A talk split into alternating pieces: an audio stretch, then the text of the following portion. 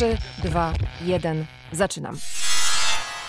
Katarzyna Borowiecka, witam. Niektórzy z Was pewnie słuchają mojej audycji w radiowej Trójce, ABC Popkultury, w niedzielę tuż po 12, a podcast będzie tej audycji dopełnieniem, rozwinięciem, uzupełnieniem, ale też z pewnością osobnym bytem. Filmy, seriale, komiksy będą w centrum naszej uwagi. Polecać będę ja, polecać będą moi goście, a ta formuła podcastu będzie bardzo elastyczna, więc może się też zdarzyć, że na przykład będziemy fikać koziołki, ale jeszcze nie dzisiaj. Liczę na Wasze reakcje. Najwygodniej można się ze mną skontaktować przez facebookowy fanpage audycji ABC Popkultury, albo na Instagramie przez moje konto, albo y, mailowo katarzyna.borowiecka małpapolskieradio.pl. Sugestie, podpowiedzi, wyzwania piszcie, nie wahajcie się. Dzisiaj trochę czasu poświęcimy na spotkanie z twórcami serialu Żmijowisko. Serial powstał w oparciu o świetny kryminał Wojciecha Chmielarza. Kto czytał, ten wie, że w książce mamy oprócz intrygi także portret trzydziestoparolatków, do których właśnie dociera, że ich życie może nie wyglądać tak tak jak sobie wyobrażali, wymarzyli czy zaplanowali. No ale jest też młodsze pokolenie, dzieci głównych bohaterów i oni jeszcze wciąż mają różne plany. Ale zanim spotkamy się z reżyserem Łukaszem Palkowskim i aktorami, między innymi Agnieszką Żulewską i Dawiną Reeves-Ciarą, spółki z serialowymi premierami tygodnia. Ściągam dwa tytuły. Mroczne materie, His Dark Materials na podstawie powieści Filipa Pullmana. Już raz się nie udały na ekranie, ale na dużym ekranie. Mm, to był film Złoty Kompas i mimo gwiazdorskiej obsady, tam się pojawili Nicole Kidman i Daniel Craig, nie spełnił oczekiwań ani czytelników, ani widzów. Pullmanowska wizja świata równoległego, w którym nie było rewolucji przemysłowej, ludzie na przykład poruszają się w powietrzu sterowcami, a rządy absolutne od wieków sprawuje religijne magisterium, ma dużo większe szanse na małym ekranie bo wprawdzie twórcy zapowiadają, że trzy tomy y, zmieszczą w dwóch sezonach, co czasem może źle wróżyć, ale już po pierwszym odcinku Mrocznych Materii widać, że mm, twórcy świetnie czują ten świat, szanują literacki pierwowzór, choć oczywiście pewne zmiany były nieuniknione, a obsada po prostu błyszczy w każdej scenie. Jest James McAvoy, co już by wystarczyło, żeby mnie przytrzymać przy ekranie, no ale jest też Ruth Wilson, jak zawsze znakomita. Jest y, Anne-Marie Duff, dawno niewidziana, jako Makosta. Jest wreszcie jako Lyra Belakła, e, główna nastoletnia bohaterka bohaterka Daphne Keen, którą poznaliśmy mm, przed kilkoma laty w duecie z Hugh Jackmanem w filmie Logan. E, tam Daphne, jeśli już mówiła, to głównie w języku matki, aktorki, czyli po hiszpańsku, a tutaj oczywiście korzysta z języka swojego ojca, też aktora szkockiego i jest świetna. Właściwie nie mam innych słów, żeby ją określić. Jestem bardzo ciekawa ciągu dalszego mm, e, Mrocznych Materii. W kolejnych odcinkach pojawi się też m.in. Lin-Manuel Miranda, którego znają wielbiciele musicali. No ale też drugi tytuł, spółki z serialami i ten ten tytuł też mnie pochłonął. Już mamy cały drugi sezon. Na szczęście odcinki są krótkie i jest ich osiem, więc nie pożrę wam całego weekendu. To mm, odsłona druga The End of the Fucking World. E, jeśli chodzi o reakcję na ten serial, są dwie szkoły. Jedni uważają, że trzeba było skończyć go na pierwszej odsłonie, tam gdzie doprowadził twórców komiksowy pierwowzór Charlesa Formana, ale ja jestem w tej drugiej grupie. Mm, jesteśmy tutaj oczywiście e, w popkaście w strefie wolnej od spoilerów, więc powiem tylko, że to kolejne spotkanie z Alicą jest prawie prawie tak samo emocjonujące i sporo w nim niespodzianek. Nie zdradzę mm, też nic, jeśli powiem, że ścieżka dźwiękowa jest znów na najwyższym poziomie. Jeszcze na inną półkę sięgamy, teraz będzie papier. E, jeśli chodzi o komiksy, to pochłaniam właśnie drugi tom e, zebranych przygód Jerza Jerzego. Świetnie jest do tego wrócić oczywiście. W dodatku na końcu tomu, jak to w zbiorczych wydaniach, są dodatki. Wydawca bardzo się postarał tutaj. A Tomasz Leśniak e, i Rafał Skarżycki, twórcy, już nic nie muszą udowadniać. Na półeczce z polską klasyką komiksową mają swoje miejsce, a my płynnym ślizgiem przechodzimy teraz na półkę z komiksem zagranicznym, a w tym tygodniu wyróżniam ukazujące się właśnie po polsku pobłogosławione przez Nila Gaimana, choć pisane nie przez niego opowieści z uniwersum Sandmana. E, przy okazji też jest pretekst, żeby wrócić do albumów z kanonu. I jeszcze powieść, niedawno skończyłam ją czytać. Niesamowite przygody kawaliera i kleja Michaela Chabona. W świetnym tłumaczeniu, to trzeba podkreślić, Piotra Tarczyńskiego. To jest powieść nagrodzona Pulicerem w 2001 roku. No i wreszcie po tylu latach ukazała się w Polsce. Fikcyjni bohaterowie, Joe Cavalier, 20-letni uciekinier z wchłoniętej należącej już do III Rzeszy Pragi, wielbiciel Houdiniego, wielbiciel magii i iluzji, zdolny rysownik i jego nowojorski kuzyn Samuel Kleiman, e, który posługuje się mm, e, imieniem i nazwiskiem Sam Clay i tak samo prawie jak Stan Lee pracuje jako chłopiec od wszystkiego w komiksowym wydawnictwie i marzy o tym, żeby pisać. Joe i Sam, dwaj młodzi Żydzi obserwujący z odległości nowojorskiej rozwój wydarzeń w Europie na przełomie lat 30. i 40., superbohaterowie rozprawiający się z Hitlerem i panorama Nowego Jorku w czasach złotej ery komiksu, gdzie postacie fikcyjne przeplatają się z prawdziwymi. To jest pozycja absolutnie obowiązkowa i zalecam w całej dużej dawce prawie 700 stron czytania. A kino sobie w tym tygodniu darujemy. Może w przyszłym będzie coś ciekawego. Pora na wizytę w Żmijowisku. Serial na podstawie powieści Wojciecha Chmielarza wystartował w niedzielę. Autor współpracował przy tworzeniu scenariusza, a na antenie Trójki e, w mojej audycji ABC Popkultury spotkałam się już z aktorem grającym główną rolę, Pawłem Domagałą e, i przy okazji drogowskaz do audycji. Tę rozmowę znajdziecie na stronie polskieradio.pl kośnik trójka w zakładce audycje. Tam wystarczy znaleźć ABC Popkultury. A z twórcami serialu poza Pawłem Domagałą spotkałam się także kilka tygodni temu, niestety nie na Mazurach, gdzie toczy się akcja, ale w Warszawie. Agnieszka Żulewska, aktorka TR Warszawa. Możecie ją znać i pamiętać z bardzo ciekawych ról w serialach Royst, Ślepnąc od świateł czy 1983, albo z filmów Demon Marcina Wrony czy Chemia Bartosza Prokopowicza. Na koncie ma też e, na przykład udział w teledysku do piosenki Defto, Jamala, a w Żmijowisku gra 35-letnią matkę nastolatki, która znika i właśnie wokół tego zniknięcia toczy się akcja serialu. Patrzymy na to z dwóch perspektyw czasowych. Wydarzeń, które do zniknięcia doprowadziły na wakacje wakacjach spędzanych w gronie przyjaciół ze studiów, no i do tego życia, tego okresu życia bez córki i okresu jej poszukiwań w ciągu następnego roku. Kim jest jej bohaterka, bohaterka Agnieszki Żulewskiej, czyli Kamila? To jest dziewczyna, która chyba nigdy nie podjęła jakichś takich decyzji, które mogłyby w dobrą stronę zacząć zmieniać jej życie. Że ona tak y, naprawdę od długiego czasu, od momentu urodzenia pierwszego dziecka, które było dzieckiem niewyczekanym i nieprzewidzianym, y, po prostu jakoś nie może wyjść z pewnego zaklętego kręgu, którym jest to małżeństwo i ten układ, w który wpadła.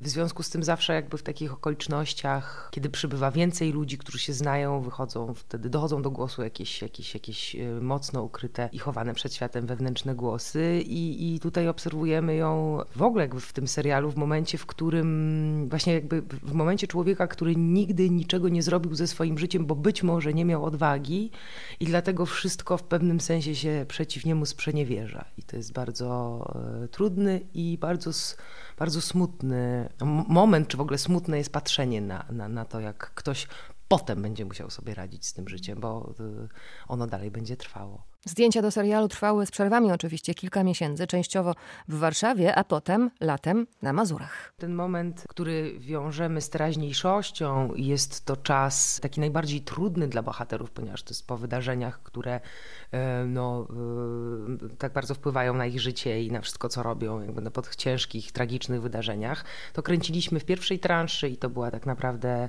początek wiosny, e, czyli cała szarość tego miasta jeszcze nam, myślę, pomagała w tym tworzeniu takiego, a nie innego nastroju.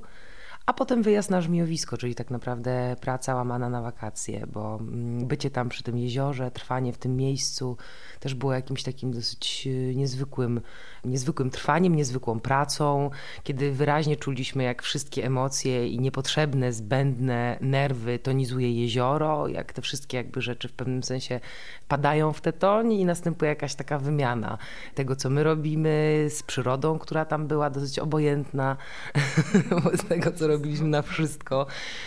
Więc to było wspaniałe i dobre w graniu po prostu tych różnych czasów. Te warunki zewnętrzne pomagały. Ale mam wrażenie, że też takie zdjęcia właśnie w wakacyjnym e, okresie i jak jesteście tam dosyć długo, to stają się jakimś takim obozem, może nie wypoczynkowym, ale wyczynowym, ale mimo wszystko te relacje się zacieśniają coraz bardziej. Tak, absolutnie. Myślę, że od w ogóle tak naprawdę moglibyśmy zacząć wszystko kręcić od początku, od momentu ostatniego tygodnia kręcenia właśnie w Żmijowisku, kiedy nagle okazało się, że faktycznie jesteśmy jakąś grupą, która się poznała, która chce ze sobą przebywać, która się rozpoznała, e, która też w końcu bardzo zaczęła się rozumieć i to było bardzo organiczne.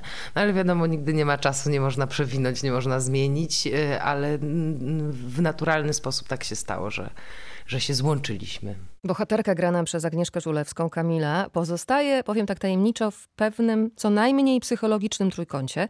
Z jednej strony jest mąż, grany przez Pawła Domagałę, Arek, a z drugiej przyjaciel z przeszłości, taka niespełniona znajomość, Robert, grany przez Piotra Stramowskiego. I o obu partnerów na planie Agnieszkę zapytałam. Chłopcy się od siebie różnią pod wieloma względami i ta różnorodność, myślę, była najciekawsza e, w takim właśnie byciu pomiędzy tymi dwoma partnerami, czy pomiędzy pracą. Każdy z nich e, przynosił wnosił na plan e, zupełnie inny koloryt. E, dobrze było mieć ten balans, no bo to było e, jakby jakaś taka no, duża, antypodyczna różnorodność. I to może też widać na ekranie, przekonacie się w niedzielę wieczorami. Pamiętając kinowe role Agnieszki Żulewskiej, nie mogłam też nie zapytać, gdzie oprócz Żmijowiska będziemy ją mogli w najbliższym czasie zobaczyć. W teatrze, w teatrze. No to to jest jakby tak na wyciągnięcie ręki. Faktycznie zaczynamy sezon e, z przytupem od początku, od połowy października. To jest takie, takie spotkanie najbliższe i można powiedzieć okowoczne, a projekty filmowe e, namnożą się w przyszłym roku, ale to są jeszcze takie rzeczy, które, e, które, które Y, nie chcąc zapeszać i chuchając jeszcze po prostu i prosząc gdzieś w środku, żeby to się stało, wolę po prostu nie mówić na głos, co to będzie, ale w każdym razie ma się wydarzać dużo, dużo dobrych rzeczy. Jeszcze jedna rzecz tylko mi przed głowy, tak może bardziej anegdotycznie, ale sprawdziłam daty urodzenia mniej więcej i twoja krenowa córka jest trochę mniej od ciebie młodsza niż, niż rzeczywiście. Tak. Ona oczywiście bardzo młodo wygląda i rzeczywiście wygląda na piętnastolatkę. Czy w ogóle jakoś tam rozmawialiście o tym? Czy to było właśnie na takiej anegdotycznej formie e, poruszane? No, oczywiście oczywiście, że się śmialiśmy, no bo Hanka dokładnie jest moją koleżanką, a gra moją córkę, więc tam po prostu żartów, e, jeśli chodzi o to, było co niemiara, można powiedzieć.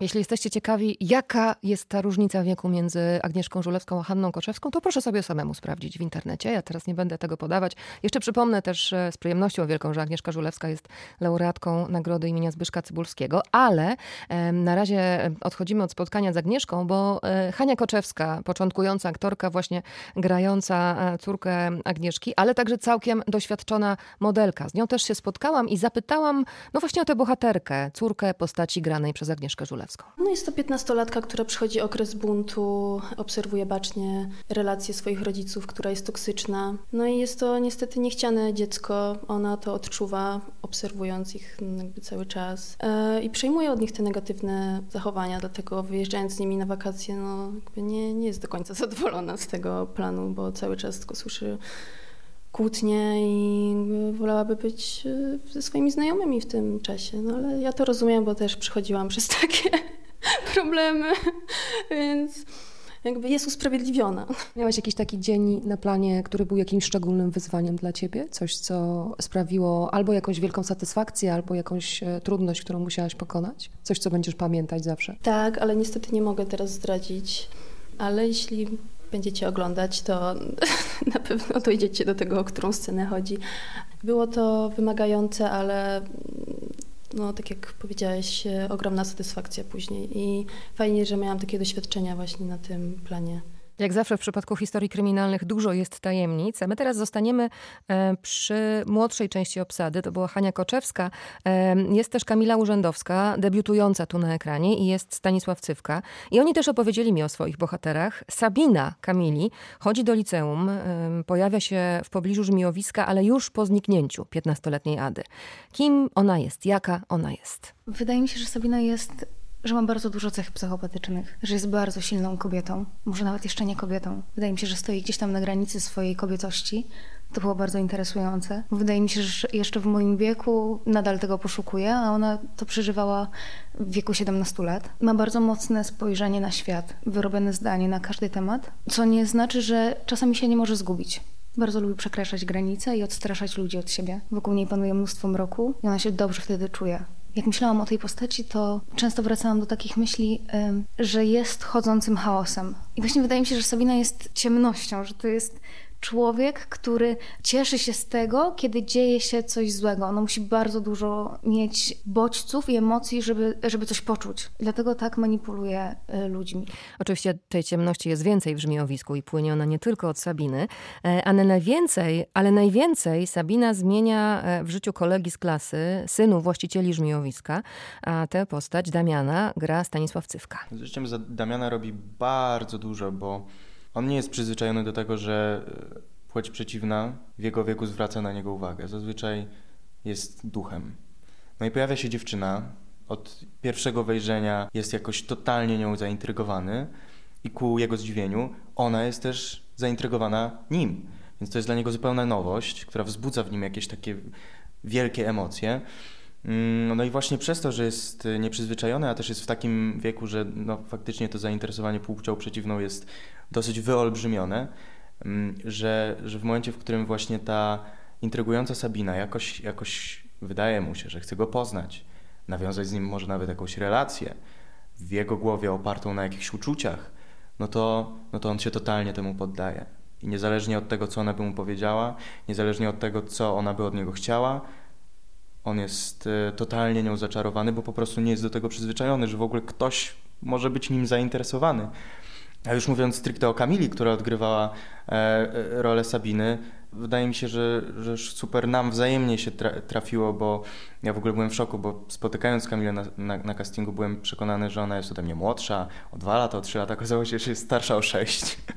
Także to było duże zaskoczenie i że w ogóle kończy studia ale y, wydaje mi się, że, że, złapaliśmy w takich relacjach, w takich po, po, mm, relacjach zawodowych jest ważne to, żeby złapać dobry kontakt, jak mamy przed sobą do odegrania bardzo trudne rzeczy, jakieś tam też intymne rzeczy, a na szczęście ten kontakt złapaliśmy od, od początku bardzo fajny.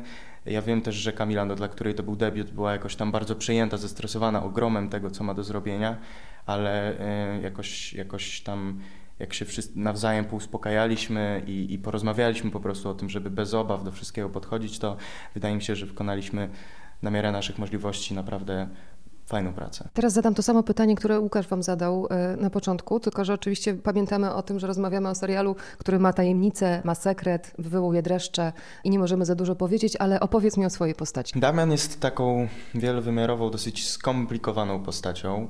Jest e, chłopakiem ze Żmijowiska.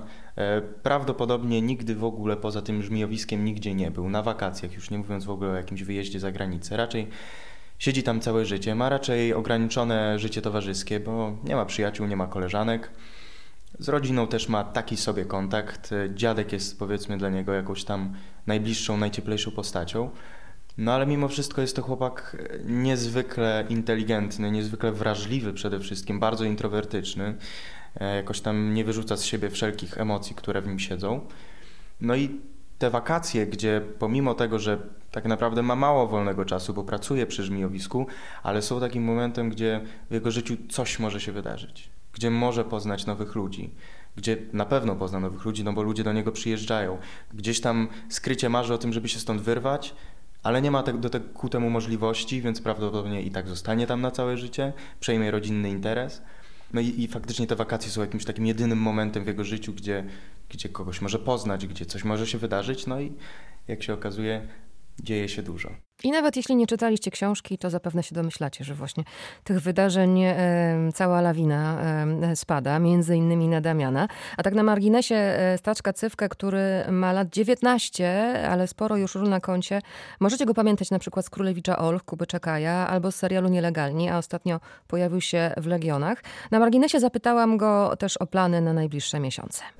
No jeśli chodzi o moje plany, to Jakieś tam są. No, w międzyczasie zrobiłem e, faktycznie jeden e, film po żmijowisku, ale niestety jeszcze jest owiany zupełną tajemnicą. Mogę tylko powiedzieć, że to będzie e, gatunek i rodzaj, jakiego w naszym kraju jeszcze z całą pewnością mogę powiedzieć nie było.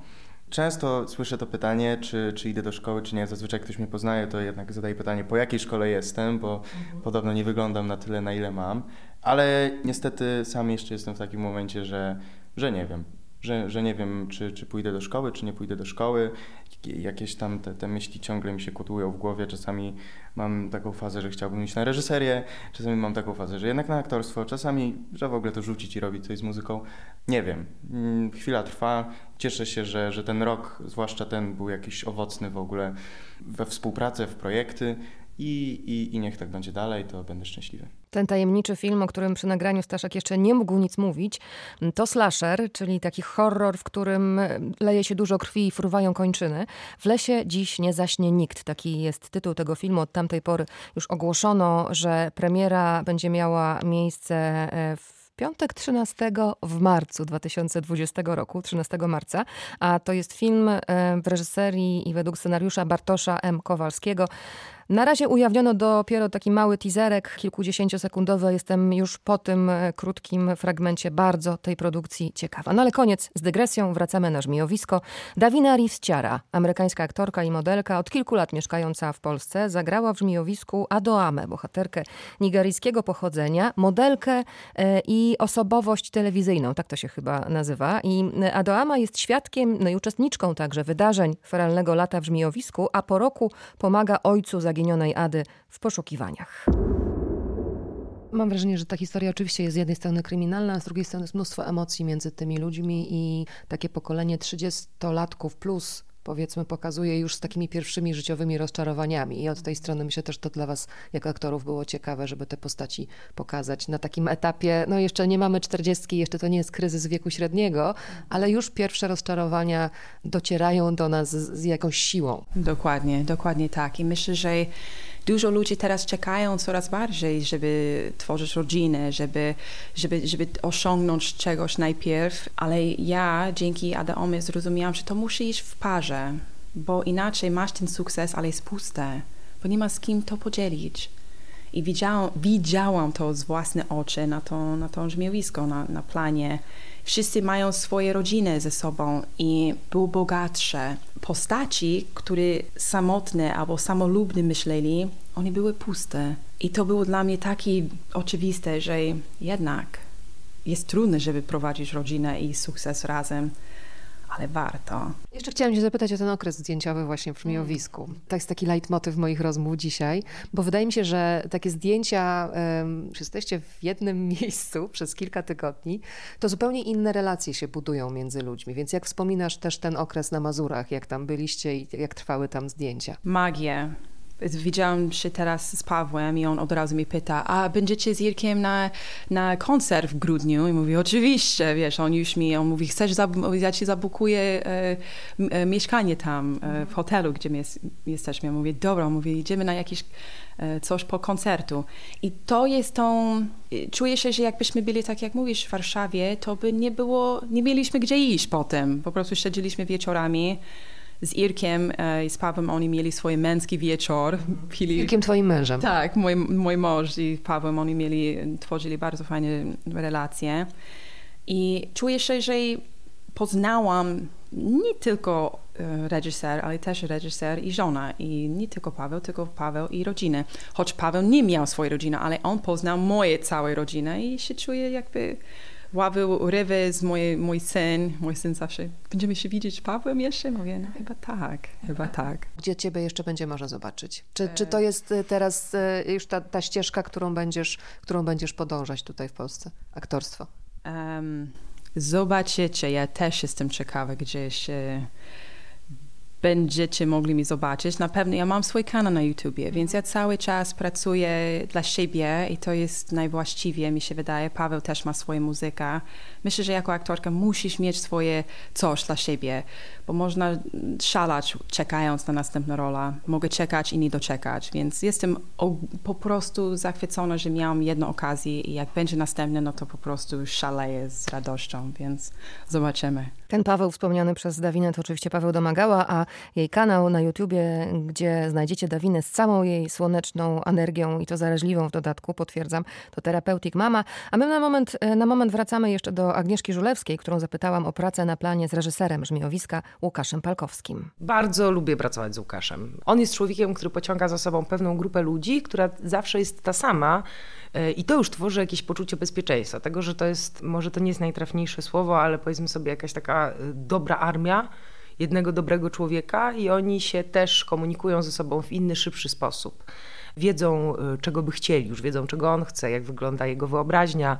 E, w związku z tym ta praca jest dzięki temu, yy, Boże, no. Słowa czasem mam wrażenie wypadają mi tak z czoła i spadają na ziemię. ta praca po prostu staje się wtedy no, szybsza, łatwiejsza, oczywiście.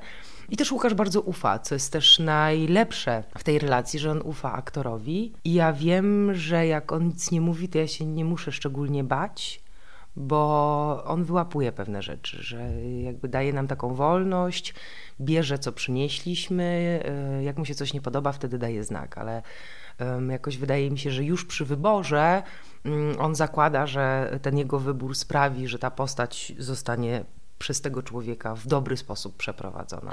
Paweł Domagała powiedział o Palkowskim, że to człowiek kaloryfer, twardy, ale ciepły. Znamy go jako twórcę filmów Rezerwat, Bogowie, Najlepszy i reżysera pierwszego sezonu Belfra.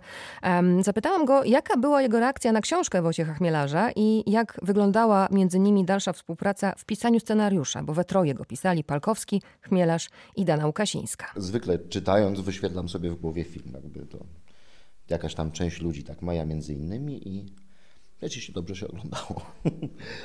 tak spróbuję po kolei. Wojtek oczywiście bywał na planie, wtedy, kiedy jakby jego własne zobowiązania mu pozwalały. E, natomiast poznaliśmy się przy pracy scenariuszowej, takiej stricte. To znaczy, ja przyjechałem e, na spotkanie, to się nazywa scenariuszowe właśnie. Był też Wojtek, była Dana. No i poznaliśmy się i właściwie od razu przeszliśmy do rzeczy. jakby co zrobić, co zmienić, jak zrobić, po co zmienić i tak dalej. Wtedy jeszcze pracowaliśmy nad formą, w którą troszeczkę nie wierzyliśmy, dlatego że formatem właściwie. Dlatego, że serial został zamówiony w takiej formule jak End of the Fucking World. E, generalnie e, takich dwudziestokilkuminutowych odcinków, co w moim mniemaniu, nie tylko moim pewnie, zupełnie nie pasowało do tej historii, która, którą trzeba opowiedzieć nie, poprzez, e, nie zawsze poprzez syntezę, a bardziej bardziej zastosować więcej analizy, dać temu wybrzmieć. Bo taka to historia, ona w dużej mierze bazuje e, na relacjach między ludźmi, e, w bardzo dużych niuansach. Dlatego taka, ta, taki format nie bardzo pasował do tego, tak jak pasuje świetnie do sitcomu czy kreskówki. Świetnie się to sprawdza. Mm, natomiast tu troszeczkę w to nie wierzyłem. Na całe szczęście udało nam się przekonać stację, że ten format pełnowymiarowy będzie dla tej historii lepszy i Myślę, że tak właśnie jest. w każdym razie to były nasze główne dylematy na początku. W tamtym okresie te nasze relacje tak były bardzo zawodowe. Znaczy oczywiście przemiłe i przesympatyczne, natomiast e, skupialiśmy się przede wszystkim na tym. Gdzieś tam pomiędzy ja sobie czytałem inne książki Wojtka. E, no ale tak się fajnie to układało, bo już na planie my byliśmy pozwolę sobie użyć słowa wyluzowani. E, to znaczy, oprócz tego, że się znaliśmy, przepracowaliśmy ten okres scenariuszowy, teraz już go tylko realizowaliśmy. Mm, nigdy, nigdy nie byłem w takich butach, w jakich jest Wojtek, to znaczy jego książka ożywa e, na oczach. No i rzeczywiście on miał niezwykle mieszane uczucia, dopytywał różne rzeczy. Kilka rozwiązań wymyślaliśmy na miejscu, no bo tak zwykle jest, kiedy papier uniesie wszystko i, i rzeczywiście się to sprawdza na papierze, na ekranie już nie do końca i zawsze trzeba coś wykombinować. Tym samym kombinowaliśmy. to też musi być dla autora niezwykle interesujące, myślę, dlatego że ja zwykle podchodzę do adaptacji, to znaczy zwykle taki mam na nią pomysł, że jakby właściwie moja odpowiedzialność polega na tym, że e, tę myśl autora zawartą w książce ja przefiltruję przez siebie i opowiem to w jakiś sposób po mojemu tym właśnie jest adaptacja i być może to różni od ekranizacji. A ponieważ to decydowaliśmy się na adaptację, więc jakby wiele rzeczy e, przekreowaliśmy. Ale myślę, że Wojtek chyba jest na plus tym wszystkim. Widział już dwa odcinki i, jest podekscytowany. Ponieważ nie możemy właśnie ze względu na to, że kryminał, że tajemnica, że nie wiadomo i tak dalej, za dużo powiedzieć o tym, co się dzieje w akcji, to chciałam Cię zapytać też o, o to, jak budowaliście e, z autorem zdjęć tę koncepcję, albo może mm, w innych konfiguracjach, tę koncepcję pokazania dwóch planów czasowych, bo to moim zdaniem znakomicie się sprawdza, że tam właściwie nawet jest taka inna paleta barw, prawda, że to nie ma, nie było nawet informacji, że to jest rok wcześniej czy rok później, tylko od razu wiemy, że coś jest tutaj inaczej, ponieważ mamy słońce, a tu nie mamy słońca. No to był nasz punkt honoru, żeby te napisy nie musiały się pojawiać. że jesteśmy wtedy, teraz lub pomiędzy. To były trzy przestrzenie czasowe w sumie. Pomysł, żeby zastosować inne palety barwne, jakby to e, od samego początku ten pomysł funkcjonował, bo to, to była pierwsza rzecz, która nam przyszła do głowy w momencie, żeby w ogóle odróżniać te przestrzenie. E, do tego dołożyliśmy, jeszcze robiliśmy te przestrzenie czasowe zupełnie innymi setami obiektywów. To już oglądając, jakby widzimy to, tak naprawdę czujemy to podprogowo. To, że jest to inny set obiektywów, one troszeczkę inaczej gryzą rzeczywistość. E, jedne są ciemniejsze, inne jaśniejsze, ostrzejsze, miększe. To są bardzo delikatne rzeczy, które nie widzimy ich tak wprost, natomiast dają nam poczucie, że jesteśmy gdzie indziej i właściwie o to chodziło. Do tego jeszcze jeszcze inna przestrzeń kolorystyczna. Znaczy, no, to oczywiście pomysł był bardzo prosty. E, chłodno, ciepło, ciepło, chłodno. Proste pomysły się sprawdzają zazwyczaj. Ja jestem wielkim fanem prostoty. Cały geniusz w niej mieszka. Muszę kluczyć oczywiście w tych pytaniach, żeby nie mówić o, o, o, o tym, co ja wiem, co ty wiesz, ale widz nie może wiedzieć, bo jak nie przeczytał książki, tym lepiej chyba. No właśnie, chyba lepiej nie przeczytać książki, podchodzić do serialu bez, z, z, z, z głową otwartą, prawda? Cóż, wiemy, wiemy o tym, że to jest przypadek na tyle specyficzny, że jeśli ktoś czytał książkę, mm, no to jakoś go bardzo nie zaskoczymy rozwiązaniami. Może w niektórych miejscach, natomiast y, no cóż, rozwiązanie zna, bo ono jest takie jak w książce z pewnymi zmienionymi elementami. Mm, mamy nadzieję, że, że na plus. E, no i to mniej więcej tak, tak się odbywa. Znaczy, kto zna książkę i lubi ją, podobała mu się, przypuszczam, że obejrzy choćby z ciekawości, jak myśmy to zobaczyli, jak opowiedzieliśmy tę historię. Ktoś, kto nie zna książki, no cóż, mam nadzieję, że będzie miał odrobinę cierpliwości, bo jest to historia, która się dość delikatnie zaczyna i z każdym krokiem e, pogłębia i staje się mroczniejsza. Ale rzeczywiście jest to proces.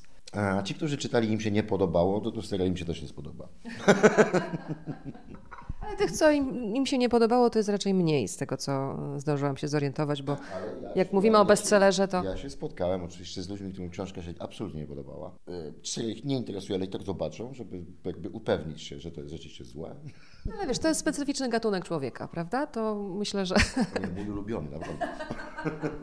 No a jeśli chodzi o kwestie obsadowe, bo e, zauważyliśmy, nawet tutaj rozmawialiśmy przed, przed chwilą z dziennikarzami, że rzeczywiście dzieci są dobrane absolutnie tutaj, jeśli chodzi o casting, e, Staszek Cywka jest, powinien być zawsze obsadzany jako syn Wojtka i może nie zawsze, ale rzeczywiście to pasuje. No i Hania też jest jakby idealną mieszanką Pawła i Agnieszki. Może o jakiś swój, twój tryb pracy z aktorami. Oni wszyscy mówią, że dajesz dużo, że masz do nich zaufanie. Dawina chyba coś takiego mówiła, że zapytała cię pierwszego dnia na planie, to znaczy jak ty nie mówisz, to znaczy, że jest dobrze. Tak możesz to tak rozumieć. Tak ona się szybko domyśliła, o co w tym chodzi. rzeczywiście ja zwykle, zwykle mało chwalę, natomiast kiedy jest źle, rzeczywiście zaczynamy wtedy o tym rozmawiać, no bo o czym rozmawiać, jeśli jest dobrze, chyba że chodzi właśnie o chwalenie. Prawdą jest oczywiście to, że ja rzeczywiście dość du dużo daję przestrzeni aktorom, to znaczy długo omawiamy przed zdjęciami to, co będziemy robić, na czym to polega, kim są postacie. Wychodzę z założenia, że aktor jest artystą, a artysta ma tworzyć. Ja jestem w tym wszystkim drogowskazem, który ma wskazać właściwy kierunek. To drogowskaz, czyli reżyser Łukasz Palkowski. Kolejne odcinki Żmijowiska tradycyjnie co tydzień, prawie do końca roku. A ten sygnał ma zwiastować e, w podcaście niespodziewany zwrot akcji i parę zapowiedzi. E, w ostatnim tygodniu dostaliśmy nowe zwiastun Wiedźmina i dostaliśmy też datę premiery 20 grudnia. Moim zdaniem to wygląda całkiem dobrze. Jestem bardzo ciekawa, dokąd nas showrunnerka Lauren Hisrich e, zaprowadzi. Mm, to w grudniu, a z kolei w styczniu Habemus Nowy Papież w serialu Paolo Sorrentino John Malkowicz teraz obejmie władzę w Watykanie, choć Jude Law wciąż będzie obecny, nie tylko duchem. Z rosnącą ciekawością śledzę też najnowsze doniesienia obsadowe związane z Batmanem Matta Reevesa. Robert Pattinson, Zoe Kravitz jako Catwoman, Paul Dano jako Człowiek Zagadka, to już wiemy. Jeffrey Wright jako komisarz Gordon. No a teraz Andy Serkis, gigant aktorstwa zwierzęcego, tak mogę powiedzieć, oczywiście z przymrużeniem oka. Ostatnio w jego własnej osobie widzieliśmy go w uniwersum Marvela w czasie Ultrona i Czarnej Panterze, a tu miałby się pojawić w roli Alfreda. No i też Colin Farrell jest w rozmowach. On miałby z kolei wystąpić w roli pingwina. Zacieram już ręce mm, i bardzo czekam na tę produkcję. E, czekam też z podszytym niepokojem, zaciekawieniem na kolejny album Torgala, pierwszy bez Grzegorza Rosińskiego.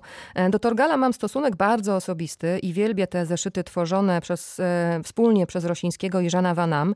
Jak się sprawdzi tworzący już rysunki do serii pobocznych Frédéric Vignot, przekonamy się jeszcze w listopadzie. Pustelnik ze Skellingaru, 37 tom Torgala ze scenariuszem Janika Lepenetiera ukazuje się 13 listopada. I jeszcze dobra informacja prawie na koniec. Trent Reznor i Atticus Ross ujawnili pierwszą e, część ścieżki dźwiękowej do serialu Watchmen. E, śledzimy oczywiście tę produkcję, jeszcze e, kilka odcinków przed nami. I to już prawie koniec w pierwszym naszym spotkaniu. Na Facebooku znajdziecie fanpage ABC Popkultury. Tam zestaw klipów związanych z dzisiejszymi tematami, zwiastuny, muzyka, czego dusza zapragnie, a podcast zapewniam dopiero się rozkręca. Do usłyszenia.